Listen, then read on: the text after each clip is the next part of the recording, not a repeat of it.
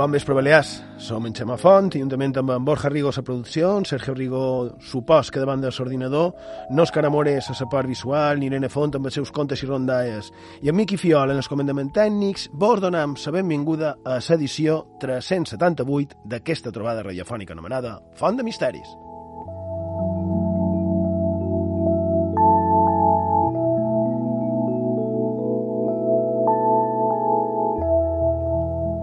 Bon vespre, Borja Rigo. Bon vespre. Sergio Rigo, bon vespre. Bon vespre, Xemà. Bon Com vespre, Va? bé, i tu? Bé, pel món, una altra vegada. Exacte, des de, des de la distància i, i freda distància, no? Sí, molt, molt de fred, sobretot ahir vespre, avui ja no tant, però ahir vespre vaig tenir molt de fred, la veritat, menys 5 graus. Estàs pel centre de la península ibèrica, Això li passa per partir. efectivament. Nosaltres aquí estem la mar de gust, a, a l'estudi 1. Eh, anava a dir-te que t'enyorant, però hem estat tota l'hora baixa parlant, de, i a més d'altres coses, així que, que poc, a, poc a dir, perquè a més molt veurem aviat. Escolta, si t'apareix, feim directament sumari per aquest programa 378 de Font de Misteris, Sergio Rigo.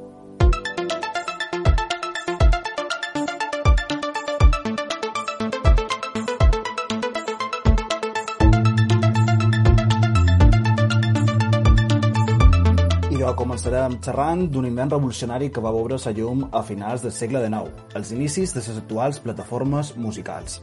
Seguidament, Irene Font tornarà una setmana més amb els seus contes i rondalles. I a continuació ens centrarem en el tema de les profecies. Analitzarem algunes que s'han fet sobre el nostre present i el nostre més immediat futur.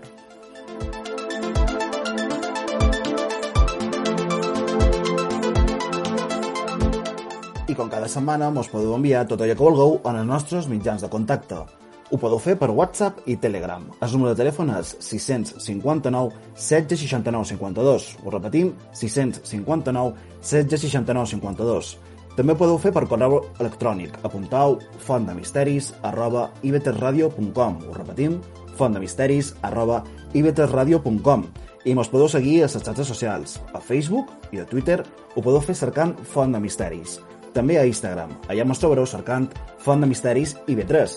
I ja sabeu també, si voleu podeu recuperar tots els nostres programes d'aquesta desena temporada i des dels anteriors. Ho podeu fer en el servei la carta d'IV3 Ràdio, a ib3radio.com, a les diferents plataformes de podcast i a la nostra plana web, fontdemisteris.com. I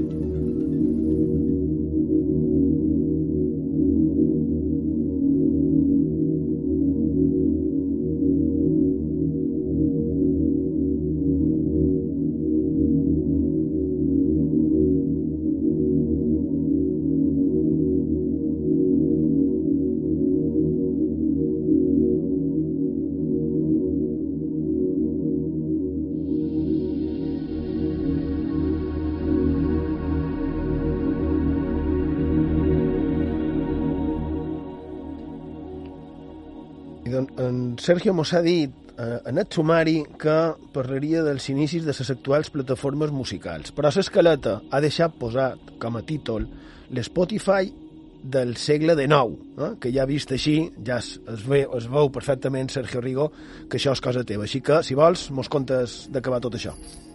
I de... avui aprofitant Xema i Borja, que vos xer des d'en fora i per telèfon, mitjançant un programa informàtic que millora la qualitat del so i que fa que aquesta connexió sigui possible, volia que comentàssim un invent que aquesta setmana, quan ho he descobert, la veritat és que me va fascinar. Ara xerram, així com sona, de Spotify en el segle XIX, que hem descobert a la web genbeta.com.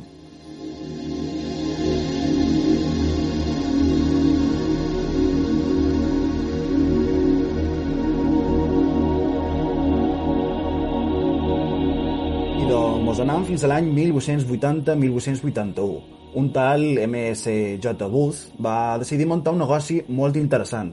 Una espècie salvant-se distàncies com deien de Spotify per a per telèfon. El negoci se deia Electrofon i consistia en un servei de retransmissió de música i peces musicals per telèfon. Si vos sembla, vos explic el seu funcionament.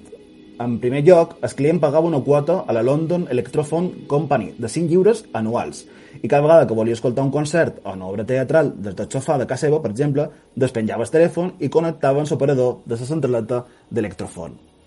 Des d'allà, l'operador li enumerava una sèrie de concerts, teatres o esglesis amb els quals se podia connectar i on l'empresa tenia receptors instal·lats pels seus clients.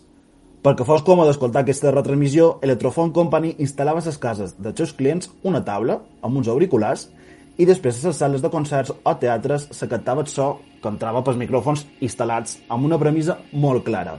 Aquests havien de passar desapercebuts visualment per no molestar.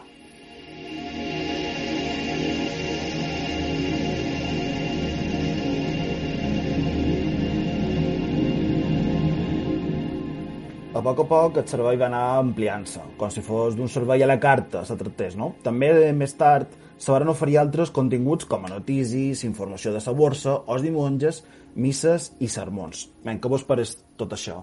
Vos llegesc dues o tres recomanacions que feia l'empresa en els seus treballadors perquè tot funcionés bé. Deien així. La primera, és fonamental tenir una bona varietat de música tant instrumental com vocal que oferir per evitar la monotonia, ja que la gent no vol escoltar renaus d'animals, per exemple. En el funcionament, la prontitud en la resposta és un requisit, ja que un retat pot significar que un subscriptor s'està perdent una cançó que desitja escoltar en particular. Tercer, la llibertat d'arròs en la connexió del teatre desitjat és un altre requisit, ja que ha de ser molt molest per al subscriptor després d'escoltar durant algun temps descobrir que ha estat connectat a una reunió de l'exèrcit de salvació en lloc d'alegria, per exemple. I finalment, però no menys important, és desitjar receptor o transmissor que ens permeti llançar en una habitació la música i el diàleg perquè tots puguin escoltar clarament sense haver de col·locar-se els receptors en els oïdes. També un invent capaç de transmetre escenes de teatre a distància. Això encara només és un somni, però després del que han vist no poden deixar de considerar-ho com alguna cosa que realitzarà tard o d'hora. Feia referència i pintura a la televisió? Estan davant d'una predicció de la companyia?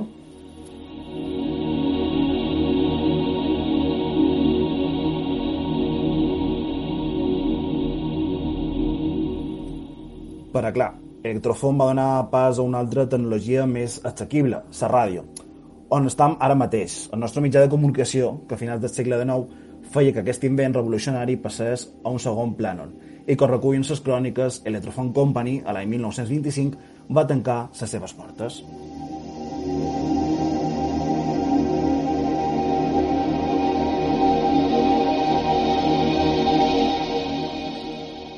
Deixeu-me que vos llegesqui com s'acomiada l'empresa dels seus subscriptors el dia 17 de juny de l'any 1925. Llicència retirada pel director general de Correus. Com a conseqüència que un gran nombre de subscriptors ha renunciat a Electrofon a favor de la tecnologia inalàmbrica, una clara referència a la ràdio, els ingressos han disminuït tant que el servei d'Electrofon se donarà per acabat dia 30. Per la present, amb una extrema lamentació, després del dia 30 d'aquest mes ja no estarem en condicions de continuar amb les audiències d'Electrofon.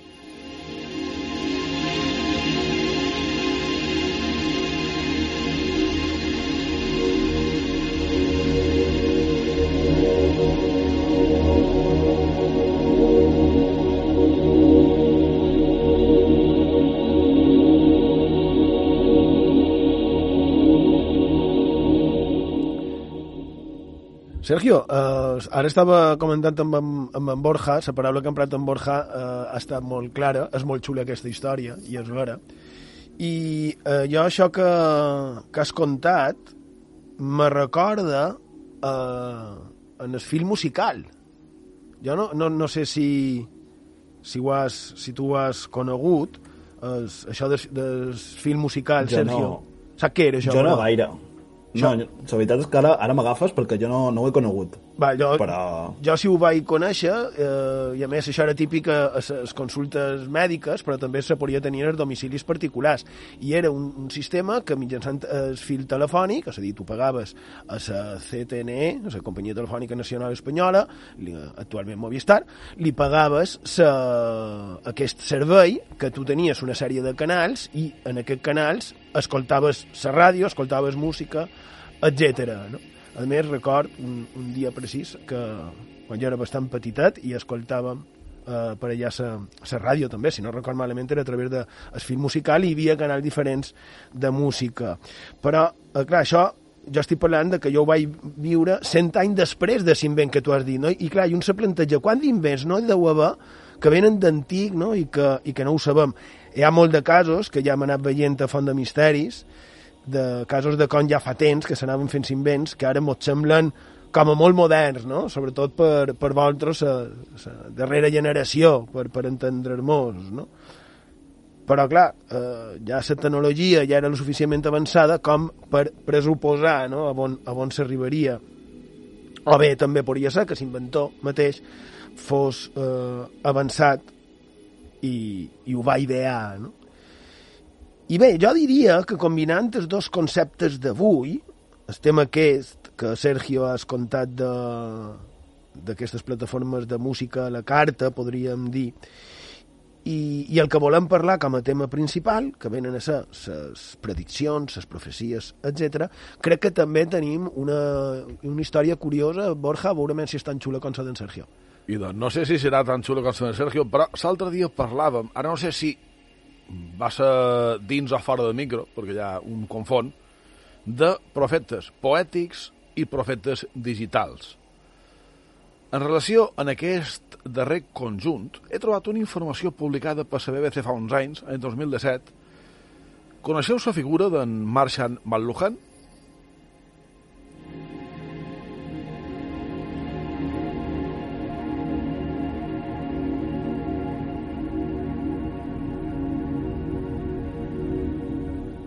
A principis dels anys 60 del segle passat, aquest bon home era professor de literatura i filosofia i va fer una afirmació o predicció, el que el vulgueu dir, ben interessant.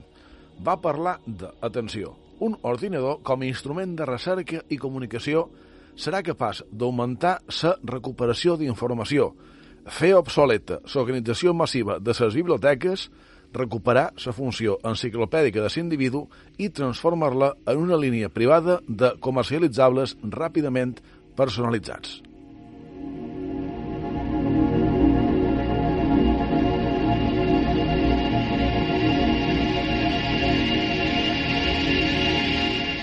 No sé si estareu d'acord, però crec que això s'acosta ben molt a la realitat del segle XXI. A més, va ser l'autor del conegut Galàxia Gutenberg, de 1962, i de Understanding Media, de 1964, on, atenció, exposava lo següent. Diu, els mitjans electrònics, en la seva demanda d'interacció, ens tornarien la nostra consciència tribal perduda.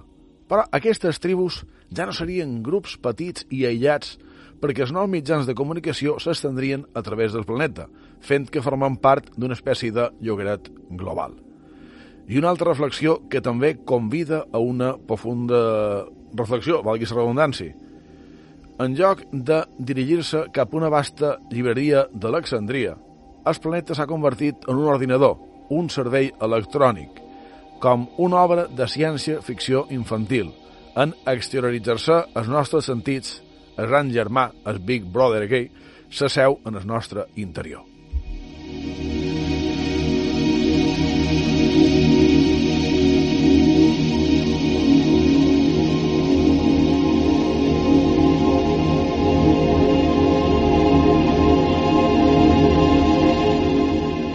Als anys 60 ja hi havia una incipient informàtica, de fet, cinc anys després d'això darrer que, que has dit, eh, Somo va arribar eh, a la Lluna, vull dir, que, i se va fer, clar, perquè hi havia la tecnologia suficient.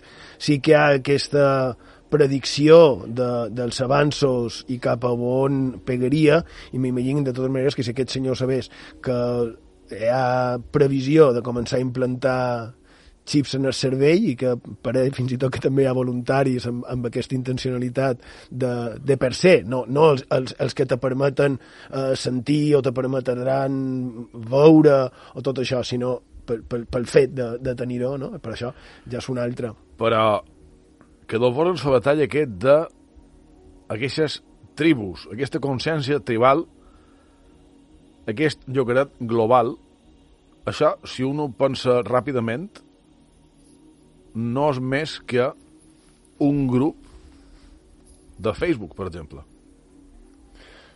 Està ben vist, està ben vist. Crec que és curiós i crec que és interessant, no? Eh, I a més, va, va bastant en, en la línia del que volem parlar després d'aquesta mena de, de prediccions, en aquest cas feta en 660 d'aquest abans de la tecnologia informàtica fins a arribar en el punt on estem ara també amb, amb internet. També és una història ben curiosa i ben xula, Borja Rigo.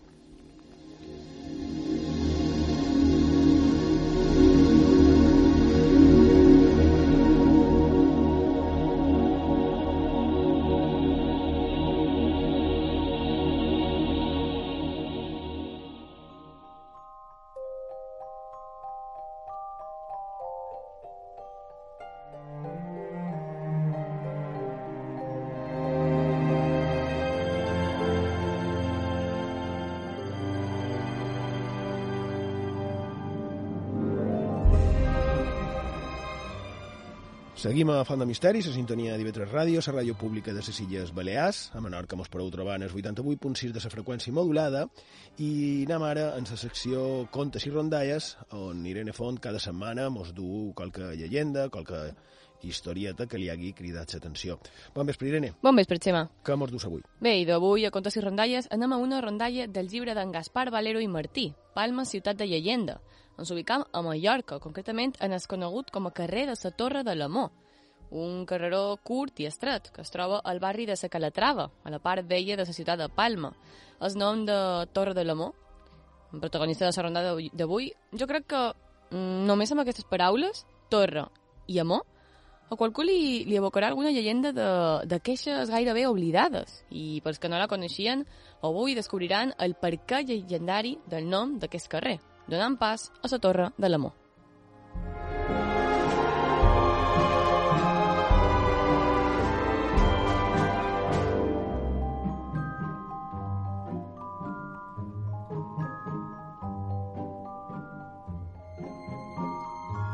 La llegenda ens situa en el segle XIV, quan el carrer de la Torre de l'Amor, juntament amb una bona part de l'actual barriada de la Calatrava, formava part del CAI o el Llama Llueva. En aquella època, algunes dècades abans de terrible salt al CAI de 1391, vivia en aquell carrer Mossa Fakim, que era un jueu molt ric.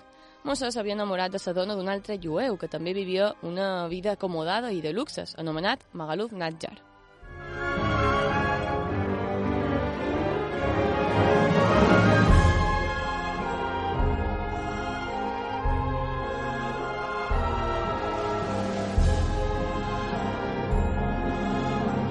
Dos personatges eren veïns i mantenien entre si una gran rivalitat. La dona de Magaluf, després de l'assetjament amorós de Mossà, correspongué a la relació que aquell li proposava. Amb el temps, l'amor adulter es convertí en un tema de xafardeig públic que transcendí fins i tot els límits de Cai. Mossà Fakim, juny d'amagar-se o de penedir-se, decidí construir a casa seva una torre molt alta que permetés veure les estances íntimes de la seva estimada i fins i tot contemplar-la personalment.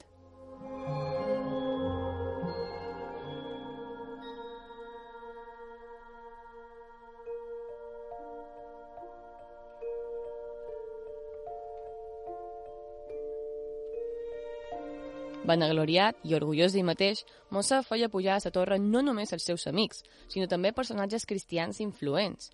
Magaluf, cansat de tanta humiliació i després de queixar-se a les autoritats religioses de la sinagoga del CAI, que es veien impotents davant de, dels recursos de protecció i l'habilitat de Mossè, protestar davant del rei.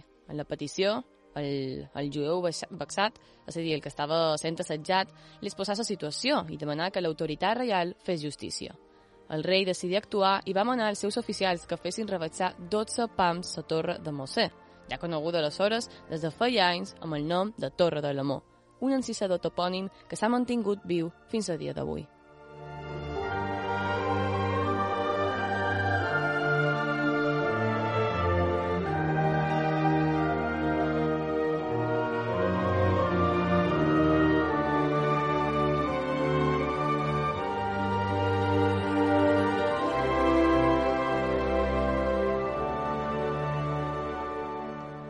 Molt curiós i a més no seria l'únic cas d'una torre no? Uh, i ara que ho pens també una torre d'aquest tipus a la mateixa zona de, de la ciutat de Palma hi ha un altre cas que es, es vera que és molt posterior d'un altre a qui se li hauria obligat uh, a rebaixar l'alçada d'una torre feta a casa seva tenim, idò, com a mínim un altre cas, no, Irene? Uh, sí, i també amb la seva part um, llegendari i, i amb un final. Uh, se les contaré d'allò més um, bèstia. Si vol, la contaré un altre dia. Però bé, tornant en aquesta història, que, que en primera instància um, pot pareixer un episodi com fictici, fantasiós i, i fins i tot llegendari, bé, i de, segons l'autor, el, el que fa referència, en Gaspar Valero, el, el seu llibre Palma, ciutat de llegenda, ens diu que, que aquests fets es troben plenament documentats en una carta de l'any 1379, procedent de la, de la Cancelleria Reial de, de Pere el Cerimoniós, aportada per en Gabriel Part i en Jaume Riera. Bé, i amb això es pot afirmar que, que la fantasia és superada una vegada més per la realitat.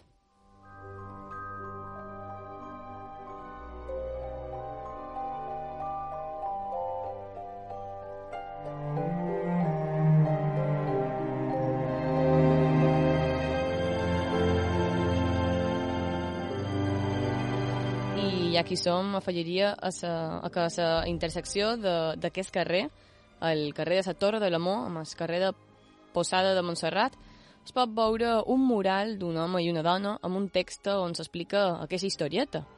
Això ens fa veure que, que els carrerons, els carrers, els camins rurals, bé, en general, el món que ens envolta, és com, com un gran llibre obert que si estem en predisposició de llegir-ho, és capaç de revelar-nos infinitat de secrets i anècdotes que probablement desconeixíem i com que configuren la seva pròpia història.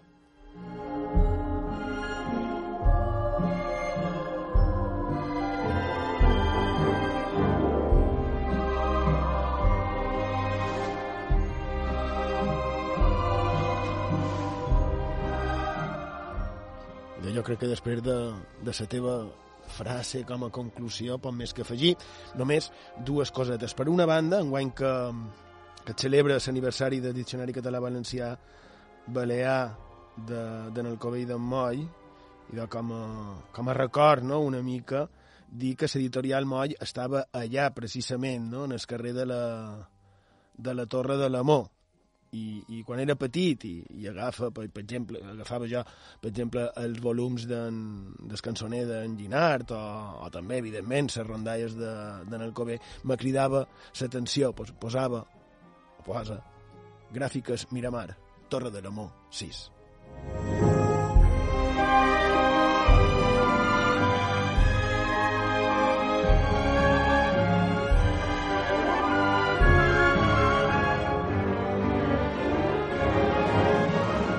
I per altra banda, el nom que has citat i que has repetit, Magaluf, eh? del que podem deduir, avui que parlaves de una mica de toponímia, i de podem deduir l'origen toponòmic d'un indret de les nostres illes que malauradament eh, ha anat obtinguent amb el temps una mala fama a nivell internacional. Eh? Un nom propi jueu per a una part de les illes, que en el meu cas ara que deixa de quan era petit, i de vaig tenir la sort de conèixer bé, no?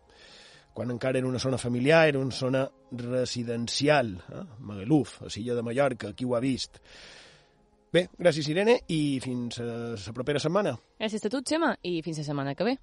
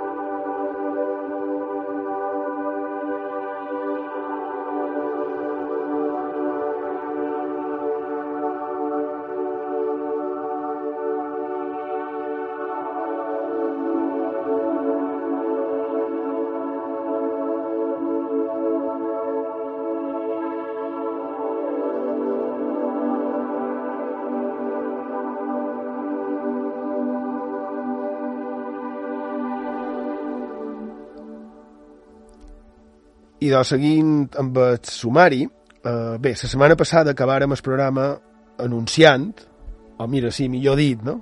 profetitzant, que aquesta setmana parlaríem d'una d'una persona molt curiosa, eh? una evident búlgara, de l'antiga Unió de Repúbliques Socialistes Soviètiques, de, de l'antiga URSS, una senyora que es deia Vangelia Pandeva Dimitrova, coneguda com Baba Vanga.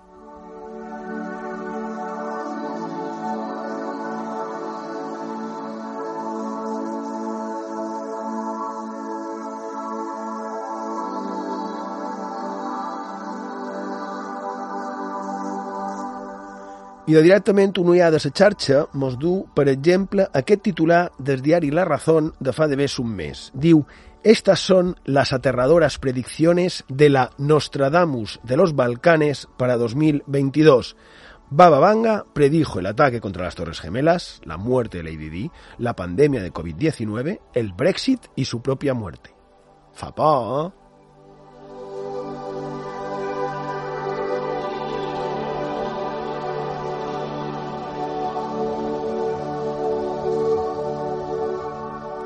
I d'encara n'hi ha més, perquè l'article també parla de que va endivinar la dissolució de, de la URSS, el que va succeir a, a Txernòbil, també, quasi res, però quan llegim l'article ja diu Es cierto que no todo lo que anunciaba llegaba a ocurrir, pero la leyenda que acompaña su figura dice que el 85% de sus predicciones se han cumplido.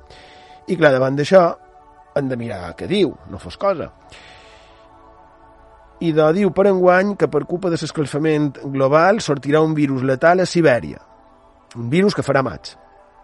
També diuen que va anunciar o profetitzar que països asiàtics i Austràlia patiran inundacions que podrien, a més, diu, provocar un duro golpe a la ja maltrecha economia mundial.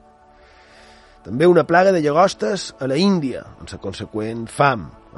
Manca d'aigua a nivell global, també motivada per la contaminació dels rius i per les sequeres, i una molt curiosa. Y finalmente, uno de los mayores temores de las sociedades desarrolladas. La tecnología impactará de forma negativa y podríamos volvernos incapaces de distinguir la realidad de lo virtual.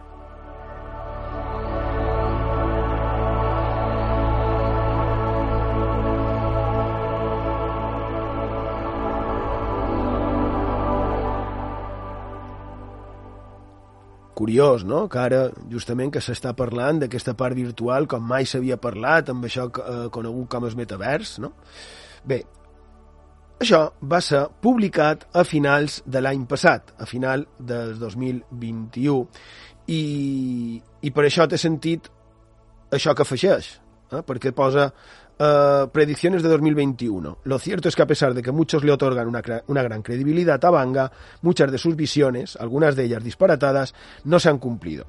Com, per exemple, una estranya malaltia en en Trump, el polèmic expresident dels Estats Units, que li, el deixaria, eh, deia que l'hauria deixat l'any 2021 sort i amb un trauma cerebral, eh, o que qualcú tractaria de matar el president rus, en Putin, o que els terroristes farien un atac químic a Europa. Això era per l'any 2021. Però diu que encerta quan diu que l'economia europea patiria una caiguda. I clar, que va haver una caiguda, evidentment que va haver una caiguda. I davant d'això el que m'he plantejat és des de quan es diu tot això? Quines prediccions va fer aquesta dona tan venerada en el seu país? No a posteriori, sinó abans de que succeeixi, no? I clar, què he fet? I de tirar de meroteca.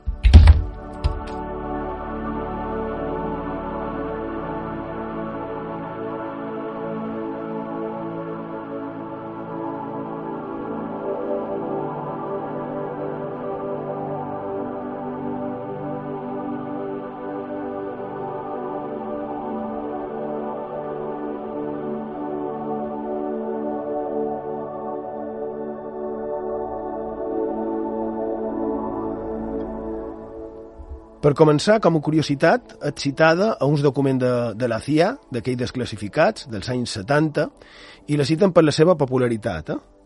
I basant amb això, en la seva popularitat, i et suposa que transcendència, he fet això, cercar-la a hemeroteques. I quina ha estat la meva sorpresa? Que la primera referència a ella a premsa escrita, aquí, és de l'any 2011, segons he vist a la Meroteca Nacional d'Espanya. Eh? I he aprofitat i he cercat a la Descongrés dels Estats Units, on vàrem treure les prediccions pel 2022 que comentàrem les edicions passades de Font de Misteris, i res, li he dedicat temps, i l'única referència és una en el New York Times de l'any 2010, que el que menys crida l'atenció és Navaba Banga, perquè és una entrevista a l'antic president de la Federació Internacional d'Escacs i expresident de la República de Càlmic, allà per l'antiga Unió de Repúbliques Socialistes Soviètiques, i és un multimilionari que deia que va ser abduït per extraterrestres i de pas, o sigui, això surt eh, en, el, en el New York Times, i de pas en aquella entrevista conta com va començar la fenomenologia estranya de, de Navaba Banga referit a contactar amb els déus. Eh? Siguin deïtats de la religió que siguin. Eh? No, no, entra, no, entràvem, no, entraran, no entrarem amb això. I va contar aquest senyor que es diu Ilumicinov, o qualque cosa semblant. Diu, Baba Vanga em deia que havia vist dos àngels. Quan tenia 14 anys, el seu carro, amb un cavall, va ser elevat en els cels per un tornado. El cavall va caure des de milers de metres. El carro es va estavellar i Vanga va caure a la terra des d'11 quilòmetres, sense cap ferida. Ella me va dir que dos àngels l'estaven aguantant i la van baixar i deixar la terra. Després d'això es va quedar cega, però ella tenia el seu canal de contacte obert. Va rebre una entrada al camp uniforme universal i d'aquí provenen les seves prediccions. Així que ningú ha vist mai a Déu, però tots creuen en ell. Hi ha centenars de milers que han vist coses interessants.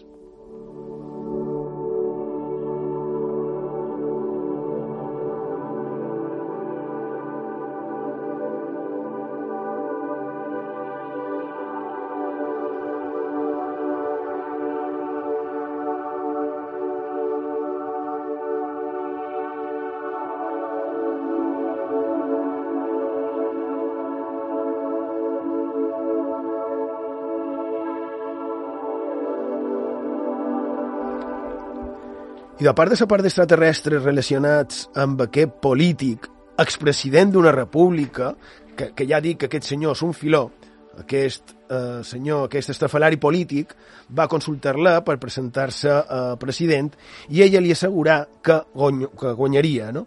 I la pregunta és, per què aquesta senyora parlava amb els polítics? És que, a més, no va ser l'únic.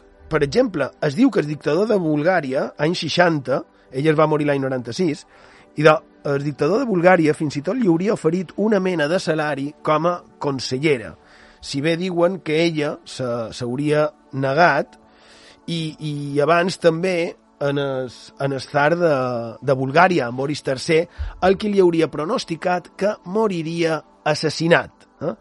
I, i pot ser que endivinàs, ateses les estranyes circumstàncies de, de la seva mort, eh, d'aquest Boris III.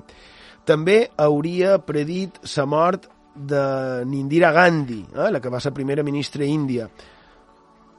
Però fets tan importants per la seva repercussió, com per exemple, clar, la pandèmia, la va pronosticar i de la raó diu en el seu article que sí, però clar, quan un cerca Resulta que abans de l'any 2010 la majoria de prediccions atribuïbles a Navaba Banga són aqueixes que vos diré. I ara entendreu per què he agafat l'any 2010 com a referència.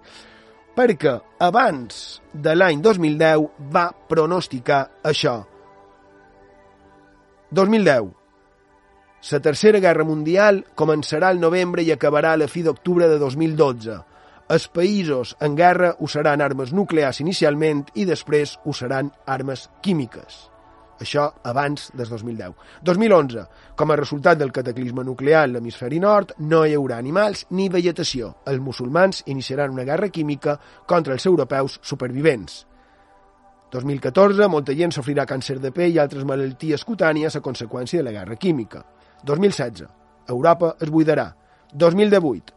La Xina es convertirà en una potència mundial emergent. Els països en via de desenvolupament estaran a mans dels explotadors. Això del 2018 tampoc té massa d'això, no? Malauradament, um, la darrera part del que he dit. Bé, i 2023 es produeix una petita variació en l'òrbita de la Terra.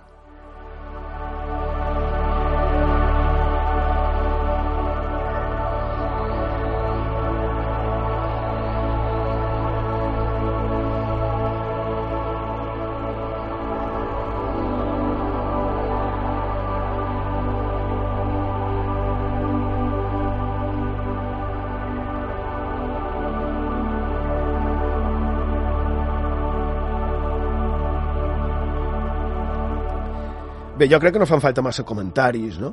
I com que a internet hi ha molta cosa, això no és New York Times, i de, també a la seva hemeroteca mos parla d'ella l'any 95, un any abans de morir, i diu, per exemple, en el reportatge, que centenars de persones anaven a visitar-la diàriament, que hi ha qui la tenia com una santa, que en el seu país era, supos que encara ho deu ser, molt coneguda, i que fins i tot en Brezhnev va anar a visitar-la també que es va fer una església en el seu poblet pagada pels donatius de la gent que anava a veure-la i que, textual, els bisbes ortodoxos al principi es van negar a consagrar l'església perquè no s'ajustava en els estàndards normals, però després van cedir, aparentment sense voler enemistar-se en Banga polítics, escriptors, actors i diplomàtics, inclosos el ministre de Relacions Exteriors de Bulgària i l'ambaixador de Rússia, es trobaven entre els milers que van assistir al servei de consagració. És a dir, multitud de gens que la tenien com evident, com a santa fins i tot. Gent arreu del món a visitar-la, per al New York Times, 1995, diu també que els seus veïnats no acabaven de creure en les seves capacitats. També textual, la gent local no creu en ella, va dir una pallesa que caminava pels carrers de Pètric, un poble pròxim. Diu, ella només et mira, et pregunta què passa, què passa i després repeteix frases que ha memoritzat. Molt del que fa és pel doblers, i la forma en què parla és vulgar, fa ús de paraules que cap dona hauria d'emprar, especialment no una persona piadosa.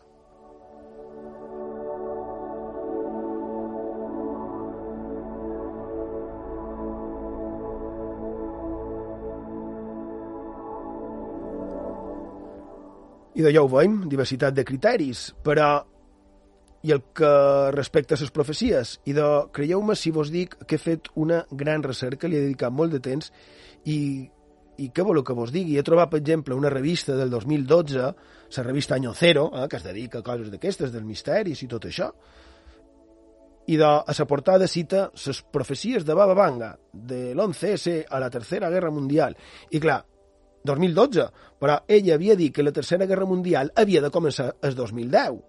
I diu, aquesta revista de l'any 2012, volviendo a las célebres profecías de Banga, sin duda una de las más polémicas es la que alude al estallido de la Tercera Guerra, de la Tercera Guerra Mundial.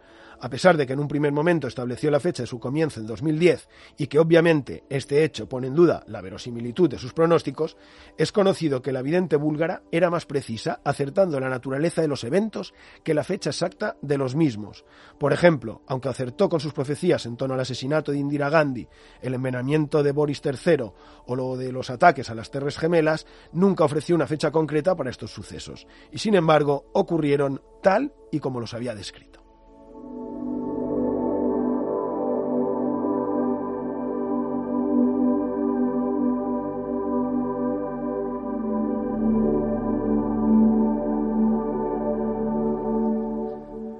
No ho sé, però per semblança, Indira Gandhi mateixa també hauria profetitzat el seu propi assassinat. Ella ho hauria profetitzat, però també en general sabia, se sabia que això era ben probable que podria passar. No? De fet, dies abans, ella mateixa, Indira Gandhi, va dir que et sentiria orgullosa de morir per la Índia. No? I no crec que per això fos una endivinadora. No ho trobeu?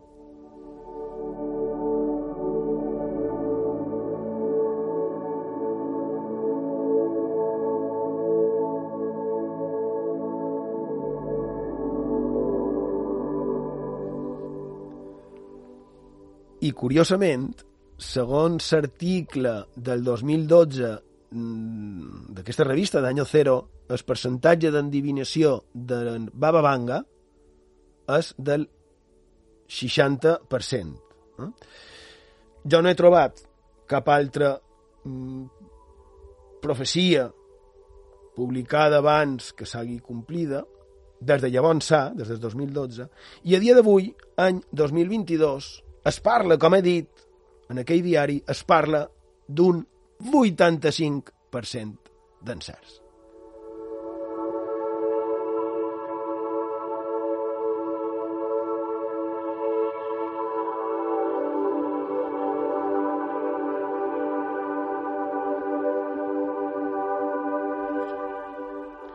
I ja per acabar, si suposen que és cert això de que les dates exactes no s'haurien de tenir present. I de, com així, aquesta senyora hauria profetitzat la fi del món per exactament l'any 5079?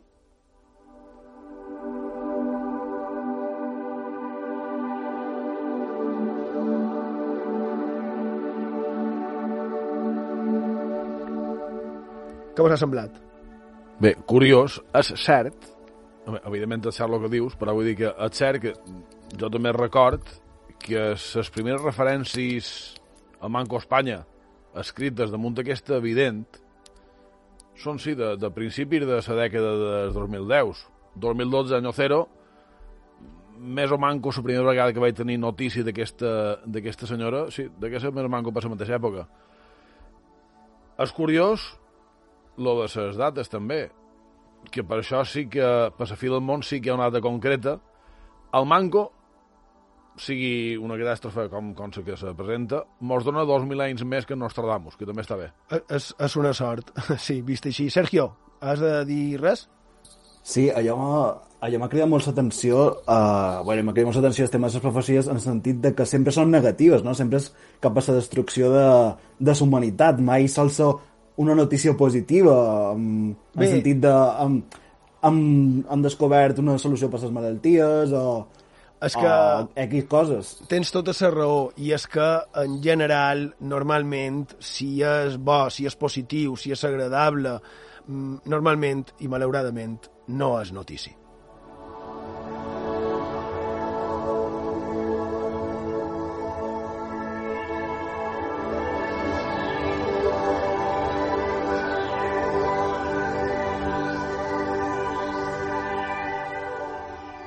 I permeteu-me fer res, una intro amb un altre dels curiosos personatges d'aquesta sèrie de programes que estem dedicant a les profecies i, i semblants. L'altre dia, amb en Carles Albarracín, eh, que nosaltres dèiem el nostre savi de capçalera, que per cert, molt d'anys, que avui és el seu aniversari, i de vaig estar comentant damunt del que va contar en Borja en el darrer programa, referit a les profecies o endivinacions mitjançant matemàtica i, i estadística. I en Carles, com que sempre dic això, de que la història tendeix a repetir-se, d'una manera o l'altra, però crec que és així, me va dir que em fixés amb un autor que va fer qualque cosa amb aquesta direcció. No? I ho vaig cercar. I la veritat és que, bé, el nostre amic, en Carles Albarracín, una vegada més, m'ha donat una pista que m'ha sorprès i molt.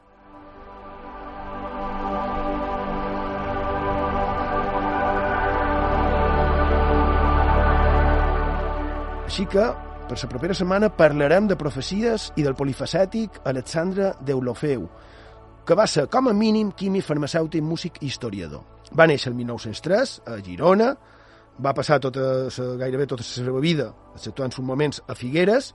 Amb 24 anys tenia el títol de farmacèutic, va ficar-se en política, va ser president de la Federació Republicana Socialista de Figueres, després de ser de l'Alt Empordà. En només 29 anys, quan era president de la Joventut d'Esquerra Republicana, la premsa de l'època es referia a ell, ja era considerat, en només 29 anys, Sergio Rigo, com a cultíssim. Eh? I de, també durant la Guerra Civil va ser batlle de Figueres, després va haver d'anar a l'exili en el sud de França i ja després, a finals dels, 40, dels anys 40, va tornar a Espanya.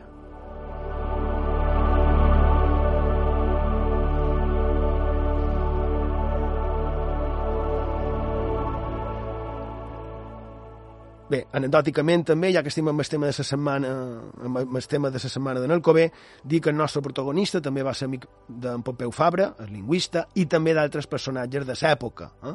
Com ben curiosa va ser la seva relació amb en Dalí, que eren veïnat de carrer, companys de llocs, d'escola, i també després amic tota la vida. Després, ara en l'acomiadament d'aquí un minuts, contaré una anècdota del Dalí. I el cas que, que volem comentar és Només això. Any 1952, revista Destino, article titulat El reloj de la historia. Diu, se necesita un enorme valor, rayando casi la temeridad para escribir lo que sigue. De nuevo hoy, y repitiendo exactamente los mismos errores que cometió después de la guerra de 1914, Inglaterra no sabe dónde se encuentra su verdadero enemigo.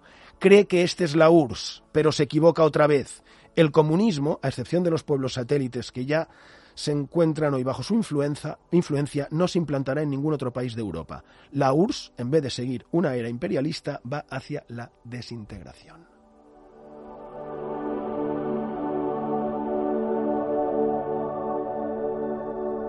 i per què mos crida l'atenció i per què li volem dedicar una, una part del, pro, del proper programa? Perquè deia que es basava en matemàtiques, en estadística, en observació, en lleis biològiques, deia aquest senyor que eh, en Ian Gibson parlava d'ell com a excèntric matemàtic. I quines varen ser les seves prediccions? S'han complert? No? Estem en el camí? I de, ho sabrem la propera setmana, aquí, a Font de Misteris, a IB3 Ràdio.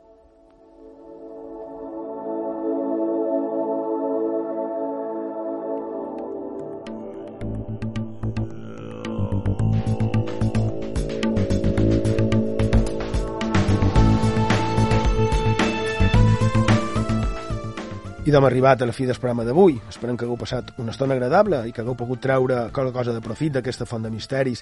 I bé, ara ho deia, cercant informació d'aquest senyor, d'en Alexandre d'Eulofeu, i de la seva relació amb el Dalí, sempre curiós i interessant en Dalí, vaig trobar una anècdota de, del pintor que, a part de la seva vessant tràgica i malauradament actual, té una d'aquestes situacions que em pot servir d'exemple no? per aquestes utopies de gairebé la mitjanit del dissabte i 3 Ràdio.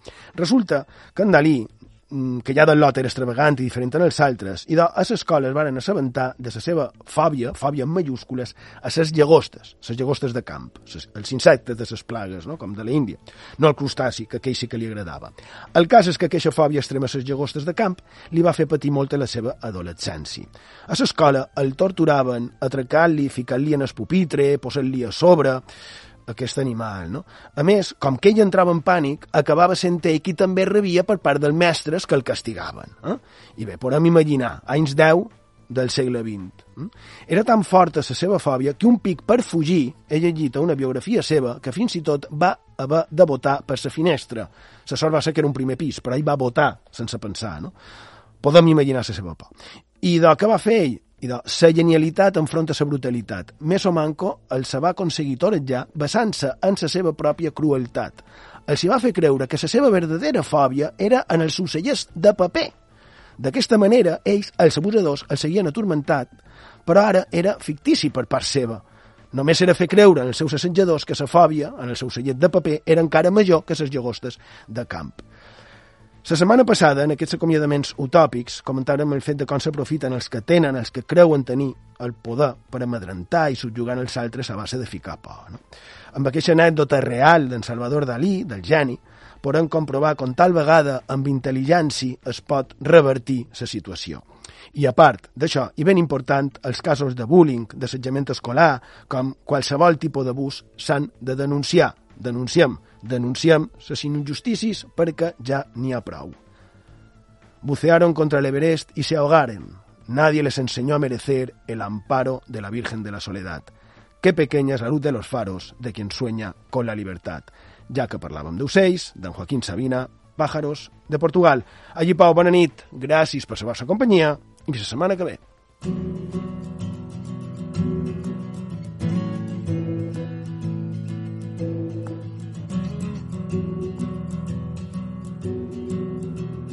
No conocían el mar y se les antojó más triste que en la tele.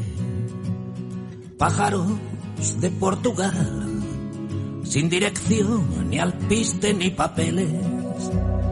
Él le dijo, vámonos, donde le respondió llorando ella, lejos del altar mayor, en el velero pobretón de una botella Despójate del añil, redil del alma de nardo con camisa. Devuélveme el mes de abril, se llamaban Abelardo y Eloísa, arcángeles bastardos de la prisa. Alumbrar el amanecer, muertos de frío. Se arropan con la sensatez del desvarío, tuyo y mío, de vuelta al hogar. Qué vacío deja la ansiedad, qué vergüenza tendrán sus papás.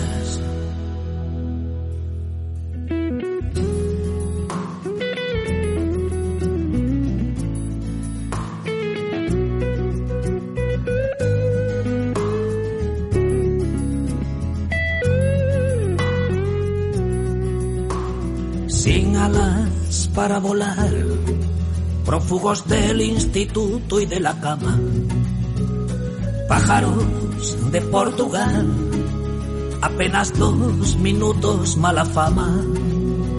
Luego la Guardia Civil les decomisó el sudor y la sonrisa. Las postales de Estoril, sin posada, sin escudos y sin visa.